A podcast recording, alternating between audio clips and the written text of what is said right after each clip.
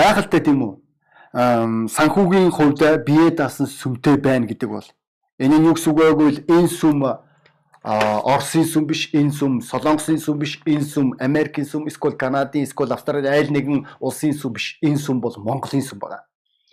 Бидний итгэгч нарын хувьд бурхан биднийг өрөөж чадна гэдэгт итгэдэг, мөн бурхан биднэрээр дамжуулан өрөөлийг түгээж чадна гэдэгт итгэдэг байна. За тэгээ өнөөдөр бүгдөө номлол руу анхаарлаа хандуулцгаая. Аа өнөөдөр миний э, номлын нэр асуудалд хандах, хүнд үед хандах итгэгч нарын үнцэг. Тэгээ бүгдөө та надтай хамт Ром номын 8 дугаар бүлгийн 28 дугаар эшлэгийг э, нээхгүй юу? Энэ 7 хоногт би фобиа буюу янз бүрийн сэтгцийн одоо асуудлуудын талаар одоо айдсуудын талаар уншсан. Тэгээ тэнцээ их сонирхолтой фобианууд байгаа. Энэ одоо тэр аазнаас айх айдас, харанхуугаас айх айдас, битүү орон зайганаас айх айдас, хариуцлагаас айх айдас Тэгээд тэднэр дунд пантанима буюу энэ цар өвчнөөс айх айдсын талаар ярьж байгаа. Тэгээд би бодож эхэлсэн байгаа. Ямар хэцүү вэ тийм үү? Байнгын айдас дунд байж, байнгын ирээдүйн талаар зовнж, байнгын ирээдүй талаар олиггүй тийм хар бараан дүрсэл дунд амьдрах тийм үү? Тэгээ ялангуяа чиний амьдралд бүр ингээд чи уг нь бол сайныг бодохыг хичээж байгаа гэсэн чи гинт ингээд чиний амьдралд сөргөөрөө нөхцөл байдал тохиолдох үед чи өөрөө ирэхгүй консоож байгаа хямарж байгаа энэ хугацаанд амиа орлолт ихсэж байна. Энэ хугацаанд гэр бүл салалт ихсэж байгаа. Одоо зүгээр карантин дуусаагүй салахад бэлэн байгаа гэр бүлүүд олон байгаа. Мөн хүчирхийлэл ихсэж байгаа хүмүүс өөрсдийн хувиа хичээсэн сэтлээ улам өөгшүүлж байгаа мөн үүний хажуугаар бид нэр олиггүй завхаа зураглал энэ бүх зүйл рүү анхаарлаа хандуулж PC тоглоомны араас бүр тэр чигээр донтож явж байгаа тэр бүх хүмүүсийг харж болно. Энэ бүх зүйлсүүд маань гарах гарц биш байхаас гадна энэ нь хүний амьдралыг хизээч баярлууршгүй гэдгийг та бүгд мэдж байгаа. Тэгвэл итгэгчнэр бид нэр энэ асуудлуудад өөрөөр ханддаг. Биднэрт айдас байдгүй Бид нэр ирээдүйн талаар айдгүй. Яг яагаад яагаад бидний ирээдүй бурхны гарт байгаа учраас аханд үсэ. Биднэрт найдвар яг яагаад яг бол эзэн Есүс Христ хэлэхдээ би өчтөр өнөөдөр ирээдүй тэрэл хэвээр би өөрчлөгдөшгүй гэж хэлсэн. Энэ үүнийг бид нэр өөрсдийн амьдралаараа харсан. Тийм л учраас харснаа бид нэр бусдад гэрчилж байгаа. Аханд үсэ тэгээ бүгдөө хамтдаа Ром номын 8 дугаар бүлгийн 28 дугаар эшлэлд анхаарлаа хандуулъя. Бурхныг хайрладаг, түүний зорилгын дагуу дуудагдсан хүмүүсийн энэ сайн сайхны төлөө бүх юм хамтдаа ажилдаг гэдгийг бид мэднэ гэж хэлж байгаа. Энд чинь энэ ишлэл дээр хэлэхдээ бидний амьдралд тохиолдож байгаа ямар ч асуудал бидний амьдралд тохиолдож байгаа ямар ч хүндрэл эцсийн дүнд өнөөдөр бидний сайн сайхны төлөө байх болно гэж хэлж байгаа. Та өнөөдөр ямар асуудал тунд байгаа вэ? Магадгүй энэ маань санхүүгийн асуудал. Магадгүй энэ маань гэр бүлийн асуудал. Магадгүй энэ маань заарагтын асуудал. Магадгүй нэгэн бүр одоо нүгэл дунд живж иж болох юм Тэгээ та энэ бүх асуудлуудаас гарч чадахгүй байгаа. Тэгээд энэ асуудлыг хүлээн зөвшөөрөх нэг талын маш сайн, зөв, чухал энэ хэрэгтэй. Тэрээс бол та дөрөв зүйлээд амьдрах хэрэггүй бол энэ итгэлийн амьдралаар хэрвээ амжилттай амьдрах хүсэж байгаа бол. Гэхдээ бид нэг зүйлийг ойлгох хэрэгтэй болов. Бид нэр асуудалд хизээч хямралын, гутралын өөрийгөө өвдөх байр суурьаар ханддаггүй. Бид нэр бурхан дотор аврагдсан. Тэгээд Энэ бүх асуудлууд донд бид нэр маш зөвөр хандах туйлын чухал. Эзэн Есүс Христ хэлэхдээ заримдаа үнэхээр итгэгч нарын дунд нэг юм өрөөсгөл ойлголтод байгаа. Би хэрвээ бурхан дотор аврагдсан ч одоо миний амьдралын бүхэл асуудлууд шийдэгдэх болно бидний угаа шийдэгд нүуний гэтээ асуудлууд чамаас авагдана гэж хэлээгүй гэдгийг итгэгч найз минь хизээч мартах хэрэггүй. Учир нь эзэн Есүс Христ хэлэхдээ э, эзэн эцэг нь би та таныг одоо надад итгэгч нарыг энэ ертөнцөөс ав гэж гоохгүй харин муугаас хамгаалаач гэж хэлсэн байна. Энэ нь юу гэсэн үг вэ? Бидний энэ дэлхий дээр амьдарч байгаа энэ хугацаанд бидний амьдралд асуудал байх болно аханд үсэ. Бидний амьдралд хүндрэл тохиолдно. Бидний амьдралд хагцал байх болно. Бидний амьдралд ээлж дараасан одоо хүндрэлүүд тохиолдох болно. Бид нэр энэ асуудлыг бид нэр өөр нэрээр нэрлэдэг. Үүнийг бид нэр сорилт гэж нэрлэдэг байгаа. Сорилт хүн болгонд тохиолдох болно. Бүр эзэн Есүс Христ хэлэхдээ энэ сорилт бидний амьдралд байх болно гэж хэлж байгаа. Яаковын загтал дээр буюу Есүсийн дүү Яаков Тэрээр би андуураг бол. Тэрээр хэлэхдээ сорилтонд орогч нэгэн ерөөлтэй юм аа. За би тэгээ та бүгдэд энийг уншиж өгье ерөөсөө. Яаков номын 1-р бүлгийн 12 дугаар эшлэл. Библийн ишлүүдийг мэддэг байх төлөв чухал тийм үү? Ялангуяа цаасан Библийг эргүүлж уншиж явах бүр сайн байгаа. За сорилтыг төсвөрлөдөг хүн ерөөлтэй учир нь тэр э, шалгуулчаад өөрийг нь хайрлагсдад эзний амлсан амийн тэтмийг хүлээн авна гэж Библи хэлж байгаа. Энэ нь юу гэсэн үг вэ? Бидний амьдралд сорилт тохиолдох үед, бидний амьдралд асуудал тохиолдох үед энэ бүх зүйлсийг туулан гарч төвчээртэйгээр хандж байгаа хүн өрөөгдөх юм аа гэж хэлж байгаа. Энэ шалтгаанаар ахын дүүсээ бид нэр амьдралын асуудлуудад өөрөөр ханддаг. Учир нь энэ бол бидний амьдралын сорилт. Энэ нь бидний дараагийн төвшин. Бид нэр сорилтыг тууснараа бид нэр бурхны өрөөлийг авдаг. Бид нэр сорилтыг туулснараа бид нэр өөрсдийн итгэл дээр өсдөг. Бид нэр сорилтыг туулснараа бид нэр бурхантай харилцах харилцаагаа улам бэхжүүлж бурхны талаар улам илүү их мэддэг. Бид нэр сорилтыг туулснараа бид нэр бурхны гайхамшигыг, хүч чадлыг, сүр хүчийг бид нэр өөрсдийн амьдралдаа хардаг. Тэгвэл бид нэр бурхан дотор шийдвэр гаргах үед Энэ асуултаар та бүгд өөрсдөө дүргижсэн болов. Та бурхан дотор шийдвэр гаргаж байгаа та бурханы замаар явах шийдвэр гаргаж байгаа ялангуяа та шин итгэгч бол та нүглээсээ татгалзаж байгаа та нүгэлд найз нартайгаа нийлхээ болж байгаа та зөв амьдрах цэвэр амьдрах шийдвэр гаргаж байгаа тэгээд уг нь бол ингэ шийдсэн бол болчмоор Гэхдээ үнний үндэ оршиж байгаа үгүй лээ биднэрт дайсан бий энэ дайсан. Өдрөөс өдөрт мөчөөс мөчөд чам руу дайрсаар өгдөг чамааг авралаас чинь холдуулахыг хүсдэг. Чиний зөв шийдвэрээс чинь чамааг ухраахыг хүсдэг. Чамааг эсэргээрээ тэр нүглийн боолчлол донд хараалын боолчлол донд үргэлжлүүл үргэлжлүүлэн хуучин амьдралаар чинь тэр дайсан амьдруулахыг хүсдэг байгаа. Бид нар энэ дайсан сатан гэж нэрлэдэг диавол гэж нэрлэдэг белзебул гэж нэрлэдэг тийм үү? Тэрээр хуурам мэхлэгч бүр нэгдүгээр Десалоника та бүгд надтай хамт нэхгүй юу? Нэгдүгээр Десалоника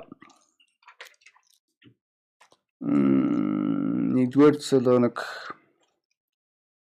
3 дугаар бүлгийн 5 дугаар эшлэл дээр Библи хэлэхдээ Тиймээс би цаашаа төвчсөнгүй. Соригч та нарыг сорж бидний хөдөлмөр хоосон болох би гэсэн айдсын улмаа сэтгэлий чинь талаараа мэдхээр хүн илгээсэ гэж энэ Паул хэлж байгаа. Энэ Паул хэлэхдээ Би та бүгдийг нүгэл дунд унаасаа гэж хүсэхгүй байна. Би нүгэл дунчихгүй гэдгээс санаа зовноор би өөрийн нөө Тимото явуулсан. Итгэлийн дүү, итгэлийн хүү.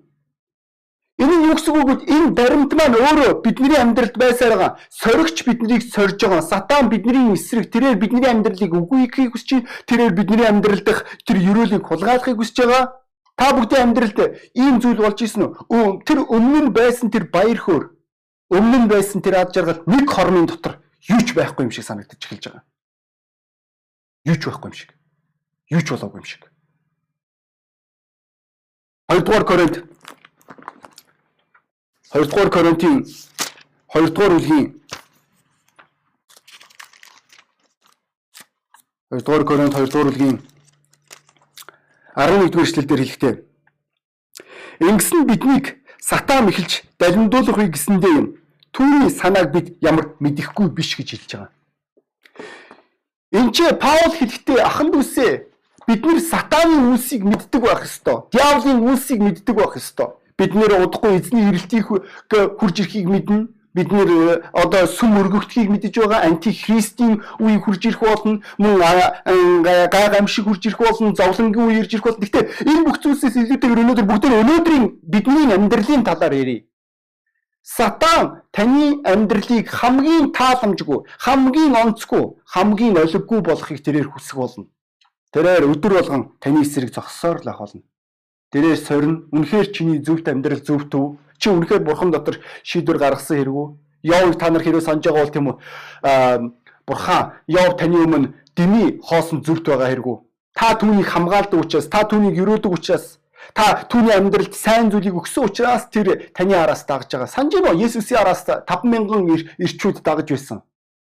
Тэгээд хариуцлагатай байх талаар Есүс Христ ярих тэр мөчид тэр 50000 буюу 15000 хүн маань эмэгтэйчүүд хүүхдүүдтэй хамт 15000 хүн маань судлаач нар хэлж байгаагаар тэр хүмүүс бүгдээрээ дүнийг орхисон байна. Яг аргагүй итгэгч найз минь чиний итгэл жинхэнэ үгүй гэдэг чинь соригдох болно. Чи эргэлзээний дунд дүүрнэ Чи асуудлууд донд ээлж дараасаа асуудлууд донд чи зохигдож эхэлнэ. чи хүндрэлүүд ээлж дараалаад гарч ирж болох юм би энэ итгэлийн амьдралдаа маш олон удаа ийм сорилтууд дунд бүр зөвхөрмөр санагдмаар тэр үед хүртэл би өөрийнхөө амьдралд хүрж исэн. Тэгээ тэр болгон дээр үргэлж би нэг зүйлийг сандаг. Яавал намайг одоо доош нь унгаахыг хүсэж байгаа. Яавал миний авралыг хулгайлахыг хүсэж байгаа. Яавал миний цэвэр арай амьдралыг хулгайлахыг хүсэж байгаа. Диавол миний өрөөлийг хулгайлахыг хүсэж байгаа. Тэр бол хулгаач. Тэр хизээч үнэн ярихгүй. Өнөөдөр бид нэр гудамжинд хүн хин нэгэнд гэрчлэх үедээ та худлаа ярдгүү гэж асуудаг. Тэгээ тэр хүн маань худлаа ярдгүү хүн дэлхий дээр байдгүй дээ гэж. Тэгвэл хэрвээ хүн худлаа ярддаг гэдэг баримт хэрвээ байгаа бол одоо дараагийн тэр хүний амнаас гарах үгсэд аль нь ч итгэх хэрэггүй гэсэн үг. Яг л тэр хүн өөрийгөө худалч гэж хэлж байгаа. Тэгвэл Библи Йохан номын 8 дугаар 44 дугаар эшлэлдэр тэрээр худал хурамгийн эцэг гэж хэлж байгаа. Энэ нь юу гэсэн үг вэ? Диавол чиний амьдралд ээлж дараалан худал хурамгаар чамааг сорно гэсэн үг. Чамааг нэхлэн гэсэн үг. Чамд чиний мэдрэмж, чиний сэтгэлээр дамжуулан чамааг үгүй хийх чих болно гэсэн үг. Өнөөдөр бурхны хүмүүст сорилт байдаг. Бүгдөө Йосеф Йосефийг санацгаая. Тэрээр маш гайхалтай зүйл зүйдэлж байгаа. Тэрээр бурхан дахь хөв тавилангаа ойлгож байгаа. Тэгвэл тийм хялбар байгаагүй шүү дээ. Түүний түүний ах нар нь түүнд дургу болсон. Түүний ах нар нь түүнийг худалдаж байгаа. Түүнийг дараа нь гүтгэж байгаа. Түүнийг дараа нь мартаж байгаа. Энэ бүх үеүүдэд тэрээр өөрийн зүрхээ цэвэр хадгалах хэрэг гарч исэн. Өргөжлүүлэн бурханд итгэмжтэй байх хэрэг гарсан байна. Моисе бурхан түүнтэй ярьж байгаа. Нэ бурхан түүнийг сонгосон талаар ярьж байгаа. Бурхан түүнийг дуудсан талаар ярьж байгаа. Бурхан түүнд бүр гайхамшгуудыг харуулсан байгаа. Та бүгд тэрээс онж байгаа саваа могоолж байгаа, гар нь уйман өвчнөөр дүүрж байгаа. Тэгэд энэ бүх зүйлүүд маань эдгэрж байгаа. Тэрээр Бурханы сүр хүч чадлаар дүүрэн. Тэгээ фараон дээр ойртож чад миний ард түмнийг чөлөө гэж хэлэх үед фараон тийм юм байхгүй гэж хэлсэн байна. Тэгээ эцсийн дүнд эргэлзээний дунд орж байгаа фараон бүр эсэргээрээ бүр ард түмэнд бүр бүр илүү хүнд ачаа үрүүлж байгаа. Тэгээ нөгөө нэг аврахыг хүсэдээс нөгөө ард түмэн чи эргээд чиний эсрэг болж байгаа. Таны амьдрал ийм тохиолдол байжсэн? Та уг нь бол сайнаар шийдэх гэж оролдож байгаа бурхан тантай хамт гэдгийг та ойлгож байгаа. Гэхдээ асуудал улам л асуудал асуудал дээр нэмэгцээр улам хүндрэл хүндэр хүндрээд энэ үеийг яах вэ? Бид нэр Авраамыг санаж болно. Авраам тэрээр бурхантай гэрээхэнд тулд Эхлэл номын 15 дугаар бүлгээр гэрээхэнд тулд дахлын амьдтыг э, байрлуулсан. Тэр үед гинт аратан шууд тэр дахил дээр нь эргэлдэж эхэлсэн гэж хэлж байгаа. Уг нь бол би бурханд дахил өргөө одоо би гэрээх чинь би бурхан дотор шийдвэр гаргацсан байна гэж уг нь бол хэлмээр.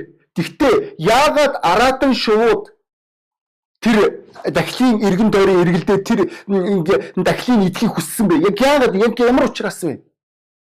Энэ нь биднэрт нэг зүйлийг ойлгуулж байгаа. Юу гэвэл итгэлийн амьдрал хялбар гэж хэлээгүй шүү дээ.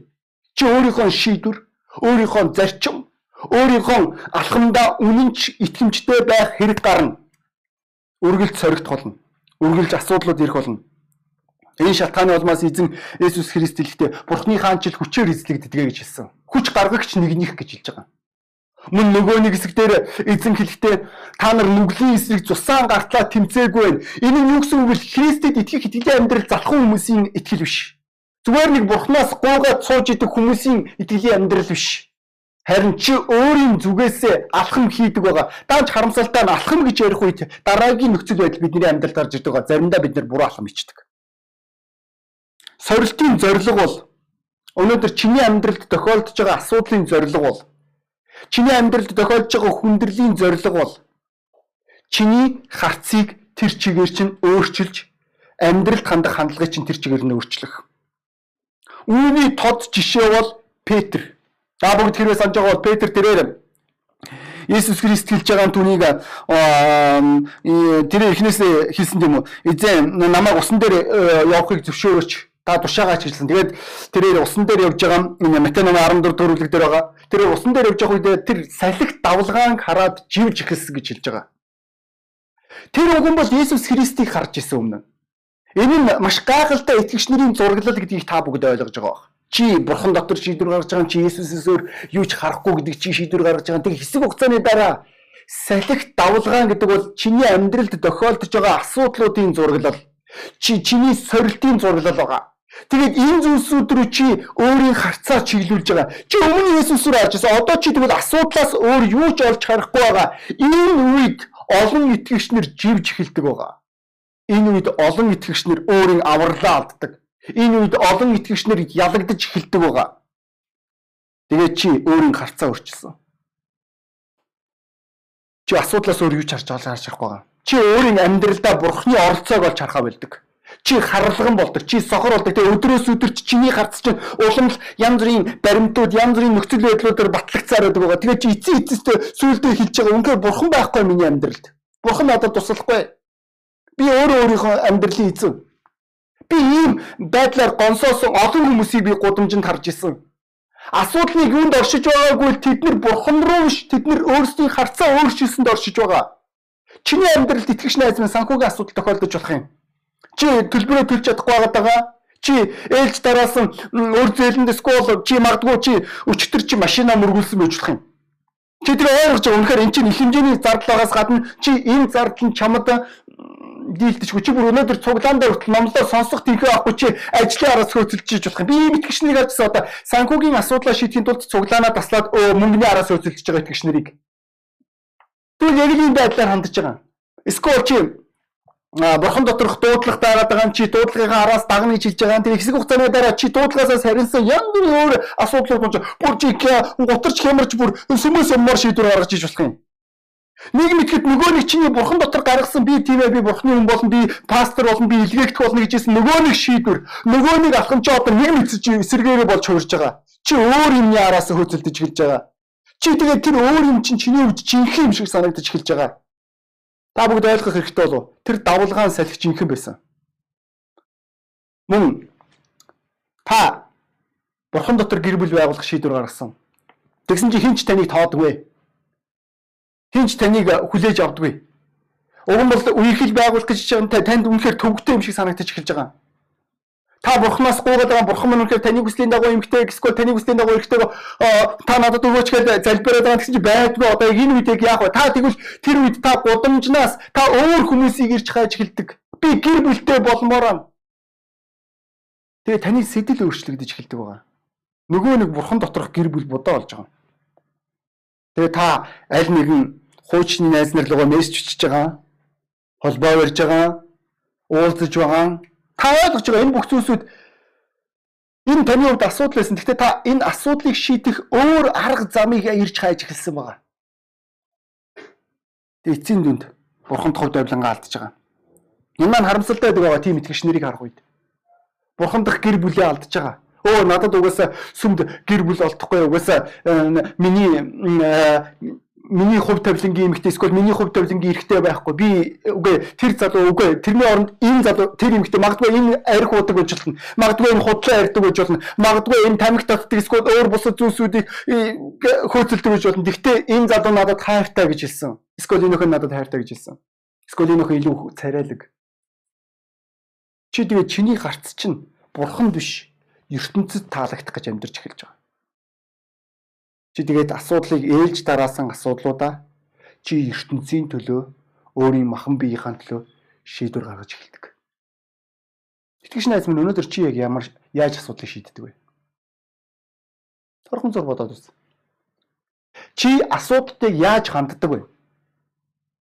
Чиний амьдралд айдас, итгэлгүй байдал, эргэлзээ, санхүүгийн асуудал хэрүүл маргаан, үл ойлгох байдал, бүтлгүүтэл, ялагдал хурж ирэхэд чи яг яаж ханддаг вэ итгэгч найз минь? Бид нэр Библиэлд гайхалтай нэг түүхийг мэднэ. Энэ маань болохоор Израилийн ард түмний түүх. Тэд нэр амлагдсан газар руу очих байсан. Тэд нэр 12 тагнуулчийг явуулж байгаа. 12 тагнуулчийг 10 нь олиггүй мэдээд түгэж байгаа. Хоёр нь сайн мэдээд түгээсэн. Гэхдээ тэдний хинэнч амлагдсан газар орохыг хүсээгүй байгаа босох гэж оролцсон. Тэгээ пастор нь хэлж байгаа залуучуудаа та нар энэ шийдвэрээс болж цөлд өгөхгүй шүү. Та нар энэ олиггүй үл итгэсэн. Энэ олиггүй бодлоос болж өөрөө өөрсдөө та нар устгана. Тэр үед тэд нэр гинт ухаарсан байгаа. 40 дугаар бүлэг дээр тоолго номын 40 дугаар бүлэг дээр та надтай хамт нэхгүй юм. 14 дүрлэгийн аа 40 дугаар бүлэг уушлаарай 40 дугаар бүлэг 40 дугаар ишлэл дээр 14 дугаар бүлгийн аа 40-с 45 дугаар ишлэл дээр Тэд өглөө эртлэн босож уулархаг нутаг өөд явж харагтун бид үнэхээр нүгэл үлдсэн. Гэхдээ эзний амлсан газар руу явах болно гэв. Харин Моисе та нар юунд эзний тушаалыг зөрчиж байна вэ?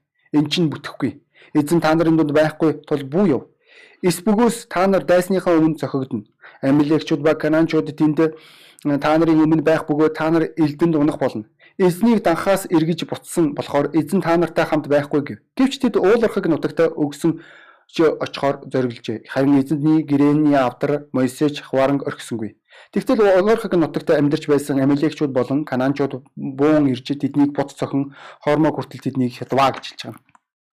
Энэ маань яг юуны зураг вэ гэвэл чи бурхан дотор чи боломжоо алдсан. Тэгээ хэлж байгаа. А тэгвэл би өөрийнхөө аргаар энэ боломжийг олж авах болно. Пастор чи хэлж байгаа залуу минь охин минь эн чинь буруу шийдвэр.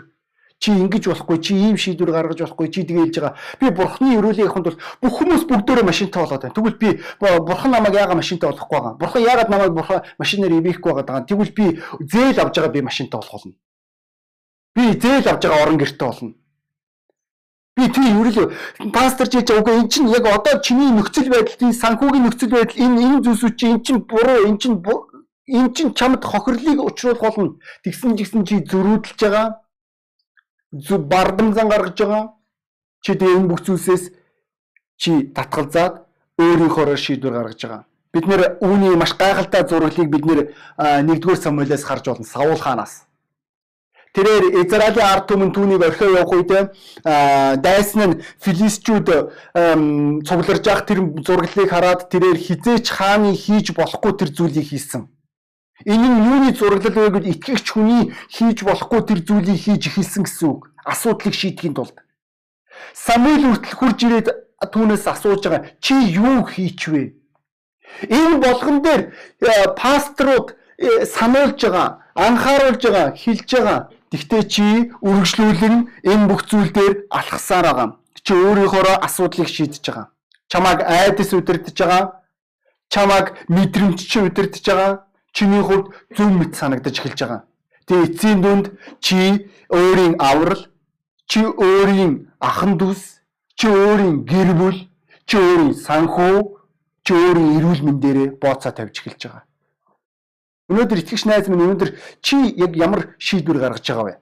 Бид нэр Библиэлд маш гайхалтай нэг тод жишээг харж болно. Энэ болохоор Юдасын жишээ, Скродиудасын жишээ. Скродиудас тэрээр түнд санагдсан байгаа. Тэрээр бүр Матай номын 27 дугаар бүлэг дээр тэрээр хэлж байгаа. Би гингүү цусыг урсгаж үнэхээр одоо л ойлгож байна. Одоо л ухаарж байна. Даанч харамсалтай бүх юм хожимдсан байсан. Ахан дүүсээ нэг юм ойлгох хэрэгтэй бол бид нэр итгэлийн амьдралаар амьдрах үедээ санагдсан бодогдсон мэдрэгцэнгээр амьдрдаггүй. Юу ч мэдрэгдэж болно шүү дээ. Өнөөдөр хар тамхичин хүртэл маш гайхалтай мэдрэмжийг авдаг. Гэтэ хар тамхи өнөөдөр хүнд хэрэгтэй л үү? Хэрвээ чи итгэлийн амьдралаа зөв суурьаар байгуулахыг хүсэж байгаа бол чи мэдрэгдсэн санагдсан гэдгээрээ амьдарч болохгүй. Учир нь чиний мэдрэмж, чиний бодлоор чинь диавол дайрах болно. Чиний айдас чиний итгэлгүй байдлаар чинь дамжуулж чи тэгээд аимшигтай буруу шийдвэр гаргаж болно. Чи бурхнаас холдох шийдвэр гаргаж байгаа. Чи бурхангүйгээр асуудлыг шийдэх шийдвэр гаргаж байгаа. Би ийм маш олон итгэгч нарыг харж ирсэн асуудалд хандах хандлаганда буруугаар шийдвэр гарган өөрсдийн хүчээрээ тэр бүх ёроолыг өөрсдийн хүчээрээ тэр бүх ивэлийг өөрийн амьдралдаа олж авах гэж хичээгээд эцсийн дүнд өөрийн амьдралаа хараал давайтсан итгэгч нар. Тэгвэл би өнөөдөр итгэгч найз би чамайг тийм шийдвэр гаргаасаа гэж хүсэхгүй. Ухаантай байхгүй юу? Өнөөдөр өөрөөсөө асуух хэрэгтэй. Би асуудал тохиолдох үед би бурханд найддаггүй эсвэл өөртөө найддаггүй? Би асуудал тохиолдох үед би мэдрэмжэндээ хөтлөгддөггүй эсвэл зарчмаараа алхдаггүй. Би Библиэд итгэдэггүй эсвэл би өөрийн мэдлэгдээ итгэдэггүй. Оо Библи хэлдэг сургаалт үгсийн 3 дугаар бүлгийн 5 дугаар эшлэлдээ эшлэлдэр өөрийн ойлголтондоо бүү найд, эзэнт найдаа гэж хэлсэн. Яг яагаад ямар учраас вэ? Яагаад Соломон чи энийг хэлнэ вэ? Маш энгийн. Өнөөдөр бидний энэ эшлэлдээ байгаа, үндсэн эшлэлдээ байгаа гайхалтай үннийг би та бүгдэд ярмаар байна. Энэ маань юу вэ гэвэл Бурхан амлсан. Бурхан хизээж амлалтаасаа ухардгүй. Бурхан ерөөлийг өгөх болно. Учир нь Библи хэлэхдээ сургаалт үгсээр ирээдүй байгаа, найдвар байгаа гэж хэлсэн. Тэгвэл хэрэг эзэн хэрэг ингэж хэлсэн л бол итгэгч найз минь чамд найдвар, чамд боломж байгаа гэсэн үг. Бурхан чамайг хамгаалах болно. Бурхан чамайг өрөөх болно. Чиний амьдралд ямар ч асуудал, ямар хүндрэл тохиолдсон би мэдэхгүй. Гэхдээ эцсийн дүнд энэ бүх зүйлсийг Бурхан чамд ашигтайгаар эргүүлж чадна. Чамд хэрэгтэйгээр эргүүлж чадна. Тэгвэл энэ мөчөд нөхцөлийг хэлэх хэрэгтэй болов. Бидний ишлэлдэр хэлэхдээ Бурхныг хайрлагч гэж хэлж байгаа. Бүгдээрээ санацгаая. Петр 3-таа урвсны дараа Иесус Христ 3 удаа түүнээс нэг асуултыг асуусан байгаа. Чи надаа хайртай юу? Есүс чи ийм юм хийлээ гэж хэлээгүй. Харин чи надаа хайртай юу? Энэ л хангалттай. Чи надаа үнэхээр хайртай бол чи намайг хизээж гонсоолохгүй. Чи надаа хайртай бол чи намайг баярлуулах тэр бүхэл зүйлсүүдийг хийх болно. Та бүгдийг Эхлэл номын 50 дугаар бүлгийг нэх хэсэ гэж хүсэж байна. Эхлэл ном 50 дугаар бүлэг. Эхлэл номын 50 дугаар бүлгийн хамгийн сүүлчийн бүлэг гэсэн үг тийм үү? Энэ маань Египтээс гарсан номны өмнө гитлэл номны өмнө байгаа. За 20 дугаар эшлэл дээр энэ бүх зүйлийг уншихаас өмнө би та бүгд нэг юм хэлмээр байна. Йосеф тэрээр 13 жил тэрээр шоронд байгаа. Түүнтэй хүмүүс шудрагу сандсан. Түүний асуудал асуудал дээр нэмэгдсэн байгаа. Тэрээр өөрийн зүрх сэтгэлээ цэвэр хадгалсан. Түүнтэй тэрээр бүр нэг хүний эмгтээтэй унтах боломж олцсон. Тэгсэн ч гэсэн тэрээр унтаагүй. Тэгэд энэ бүх болгондоо тэрээр хэлэхдээ би хайрлагч бурхныхаа эсрэг нүгэл хийж чадахгүй гэж хэлсэн байгаа. Жинхэнэ хайр гэдэг чинь үүнд л оршиж байгаа. Тэгвэл Йосеф өөрийн амьдралынхаа төгсгөлийн дүгнэлтийг тэрээр хэлж байгаа. Та нар намайг хорлох гэсэн боловч бурхан өнөөдрийн шиг өнөөдрийн шиг үү олон хүний амийг аврахын төлөө түүнийг сайнаар эргүүлсэн юм аа гэж хэлж байгаа. Энд чи Йосеф тэрээр хэлэхдээ миний хайрлагч бурхан миний амьдралд тохиолдож исэн үгүй яг тэр үед үнэхээр намайг янз бүрийн аимшигтай хар үйл дүүргэж исэн. Янз бүрийн олиггүй бодлоо дүүргэж исэн байгаа. Миний мэдрэмжийг авах юм байгаагүй. Үнэхээр хогийн тэр мэдрэмжүүдээр би түүрэн байлаа. Тэгсэн ч гэсэн миний хайрлагч бурхан энэ бүх зүйлийг бусад хүмүүсийг аврахын тулд бусад хүмүүст гэрчлэл болохын тулд бусад хүмүүсийн хувьд ерөөл болохын тулд эцсийн дүнд надад ашигтайгаар эргүүлсэн юм а гэж хэлж байгаа. Ахан дүүсээ бид нэр хайрлагч бурханд итгэдэг. Бас нэг өөр нэг зүйл юм. Байггүй бурхны хүслийн дагуу гэж хэлж байгаа. Олон хүмүүс бурхны хүслийг тайлбарлах гэдэг. Эсвэл нэмэлт мэдээлэл өгөх гэдэг. Ингэх хэрэггүй. Бурхны хүсэл хүсэл маш тодорхой байгаа. Библиэс унших хэрэгтэй болоо тэрнээс бол оо нөхцөл байдал өөрчлөгдсөн гэ нөхцөл байдал өөрчлөгдсөн ойлгож байна. Гэхдээ Библи өөрчлөгдөхгүй гэж та нар номлодог үстэй. Библи өөрчлөгдөхгүй гэж та нар өөрсдөө гэрчилдэг үстэй. Тэгвэл яагаад Бурхны хүсэл өөрчлөгдөх ёстой гэж? Эфесийн загтал дээр 5 дугаар бүлгийн та надад хамт нэхгүй юу? 17 дугаар эшлэл дээр Тиймээс бүү мөнхөг бай. Харин эзний хүслийг юу болохыг ухаараа гэж хэлж байгаа. Бод тунгаа. Чамд санагдж байгаагаар миний бодлоор биш үгүй Библи юу гэж бичсэн байгаа. Библи дэрийг юу гэж бичиж. Мөн Ромын загтал дээр 12 дугаар бүлгийн 2 дугаар эшлэл дээр хэлэхдээ энэ үеийн явдалд нийцүүлэлгүй. Энэ үеийн явдалд нийцүүлэлгүй харин оюун санаагаа шинчлэн өөрчлөгд. Тэгвэл Бурхны сайн тааламжит төгс төгөлдөр хүсэл юу болохыг таних болно гэж хэлж байгаа. Ахан дүүсээ бидний зорилго бол Бурхны хүслийг мэдэх. Энэ ертөнцид нийцүүлж амьдрах биш. Энэ ертөнцийн араас хөөцөлдөг биш.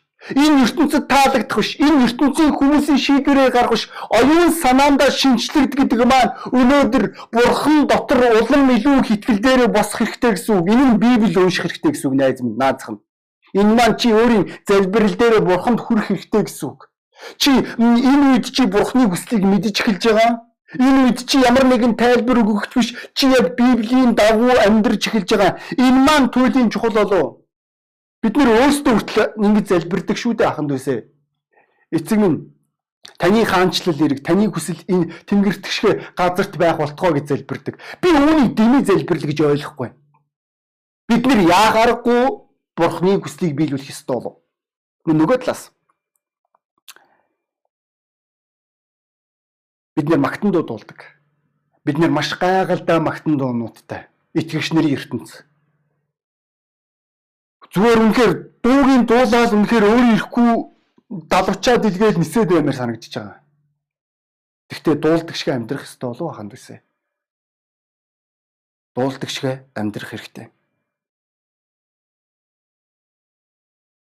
Юу гэсэн үг вэ? Өнөөдөр итгэгч найз минь чи өөртөө шудраг ханд. Шудраг бай. Би бурхны хүслийн дагуу амьдарч байгаа юу? Би бурхны хүслийг биелүүлж амьдарч байгаа юу? Эсвэл өөрийн хүслээрээ энэ бол миний бурхны хүсэл гэж шийдвэр гаргаж байгаа юу? Чи яг ямар үндслэл дотор амьдрна вэ? Энэ нь өнөөдөр бидний амьдралд тохиолдсон ямар ч асуудал, ямар ч хүндрэл, ямар ч гай зовлонг туулах хүч, ерөөл гарц болж таардаг болж таарч байна. Ханд үсэ би та бүгдийг нэг ишлийг санаасаа хөвчөж байна. Та нарын тохиолддог сорилт хүнд тохиолддог сорилт. Бурхан та бүгдэд энэ сорилтыг зөвшөөрөхөөс гадна мөн гарах арга замыг өгдөгөө гэж хэлж байгаа. Гэхдээ энэ зүйл маань зөвхөн Бурханы хүслийн дагуу амьдардаг хүмүүст хамаатай болов.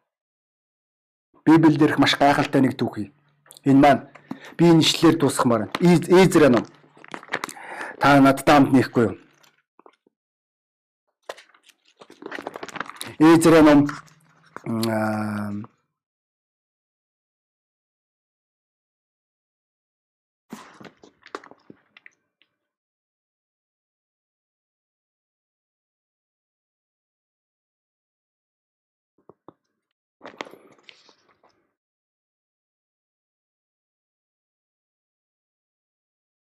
Эзра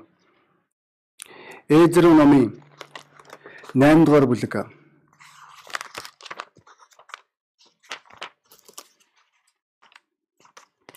8 дугаар бүлгийн 22-оос 23 дугаар эшлэл.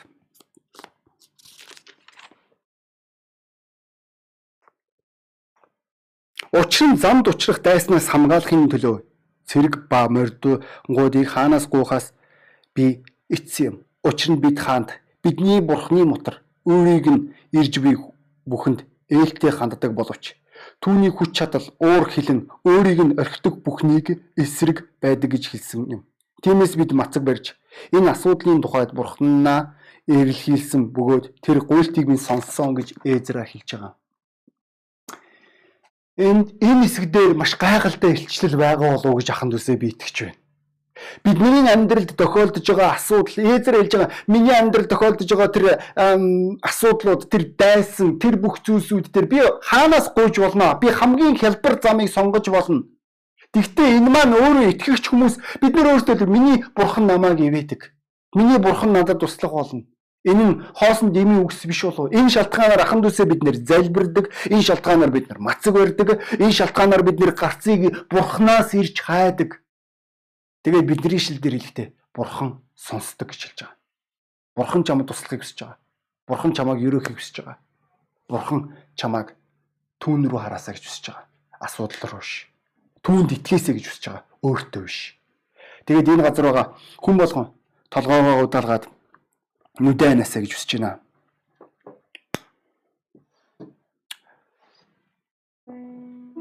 Чин сэтгэлээсээ байхын тулд шүү. Ойлгомжтой таны хинч харахгүй байж болох юм. Гэхдээ заримдаа бид нар янз бүрийн зүйлсүүдийг харж байгаа үедээ бид нар бодлоо э, төвлөрүүлж чаддаггүй. За тэгвэл өнөөдөр та энэ газар байгаад та анх удаа энэ номлыг сонсож байгаа. Та аврагдаагүй Та өхлийн дараа хаана очихоо мэдэхгүй. Та итгэлгүй байгаа. Библи хэлэхдээ нүгэлт хүн болгоныг өхлийн дараа там хүлээж байгаа.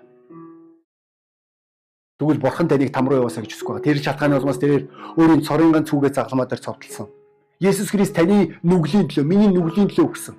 Бид нарыг нүглээс чөлөөлөгдөөсэй гэж. Бид нарыг там биш деважинд очиосэй гэж. Эцсийн дүнд энэ л чухал болов. Би энэ итгэлийн амьдралын хугацаанд маш олон үхлүүдтэй тулгарч исэн. Тэр болгон дээр эцсийн дүнд амьдрал дээр хүн юу идэггүй юу өмсгөө энэ чухал биш болж таарж байгаа. Өвчин хэнийг ч ялгадаггүй. Үхэл хэнийг ч ялгадаггүй. Эцсийн дүнд өнөөдөр бид нэр үхлийн дараа хаана очих уу гэдэг маань чухал. Хэрвээ та өнөөдөр итгэлтэй байхыг хүсэж байгаа бол та аврагдахыг хүсэж байгаа бол би таныг намайг дагаад энэ залбирлыг давтаж чин сэтгэлээсээ залбираас бурхнаас нүглийнхаа дуучлалт угаасаа гэж хүсэж байна. Түүндээ эвлэрээсэй гэж хүсэж байна. Та дагаа хэлэхгүй. Эзэн Есүс би таны өмнө нүгэлтэй. Та миний төлөө загалмай дээр цовдлогдсон гэж хэллээ. Би үүнд итгэж байна. Миний нүглийг үрчлаач. Миний амьдралд орооч. Та намайг хамгаалаач, та намайг өрөөгч. Таныг таньж мэдэх боломжийг надад олгооч. Таны уучлалд баярлаа. Таны нэрээр. Амен. Өнөөдөр та хэрвээ энэ залбирлаар чин сэтгэлээсээ залбирсан бол Бурхан таны нүглийг уучлсан. Та итгэлтэй байж болно. Бид нэр ганцхан шийдвэр донд амьдрахаас гадна мөн та энэ амьдралаараа энэ шин өгөгдөж байгаа энэ амьдралаараа амьдрах хэрэгтэй. Та одоо энэ мөчөөс эхлээд та бурханд залбирж болно чи сэтгэлээсээ. Бурхан таны залбирлыг сонсгоно. Бид нар Есүсийн нэрээр залбирдаг. Та мөн бурхныг мэдэж болно Библиэс. Энэ бурхны үг та бурхны талаар уншиж болно. Тэрхийн мэдх үед улам итгэлж өснө. Мэдхгүй байгаа нөхцөлд улам эргэлзээч өснө. Мөн итгэгч найз нартай бол та хэрэг илүү их мэдхийг хүсэж байгаа бол та бид нартай холбоо барьж болно. Бидний утас байгаа мөн би дуудлага өөрчлөмөр байна. Та итгэгч таны амьдралд асуудал байгаа. Таны амьдралд хүндрэл байгаа. Таны ялж чадахгүй байгаа тэр уул гаталж чадахгүй байгаа далаа таны амьдралд бий. Гэтэ асуудал нь магадгүй итгэгч найз минь чи өөрлөгөө төвлөрж иж болох юм. Эсвэл чи асуудал руу харсаар байгаа. Өнөөдөр чи өөр шийдвэр гаргах хэрэгтэй. Бурхан руу харах. Бурханд найдах. Бурханыг чин сэтгэлээсээ хайрлах. Түүний хүслийн дагуу амьдрах. Хэрвээ чи тэгж чадах юм бол чиний амьдралд ямар ч асуудал тохиолдсон, ямар ч хүндрэл тохиолдсон чи эцсийн дүнд чи хэлэх болно. Гайхалтай. Эзэн бүх зүйлийг миний төлөө хийж. Та намайг ивэж эзэн минь. Тэгвэл би өнөөдөр таныг энэ шийдвэрийг гаргаасаа гэж хүсэж чинь чин сэтгэлээсээ. Чин сэтгэлээсээ залбирахгүй. Та бурхны өмнө шудраг байхгүй. Энгийн залбирал. Эзэн юу ч болж исэн би итгэж байна. Та надад туслах болно. Та намайг өргөөч. Та намайг ивэгч. Бурхан таныг сонсож байгаа. Тэрээр тань туслах болно. Тэрээр таны шийдвэрийг өрөг. Би таныг залбирч чадсан гэдэгт итгэж байна. Тэгээд ахан дүүсээ та залбираа дууссан бол бүгдөө цуглааны төгсгөлд залбирцгаая. Өнөөдрийн цуглааныг эзэн Ерөөсийн төлөө, Эвестийн төлөө таныг надтай хамт залбираасаа гэж хүсэж байна.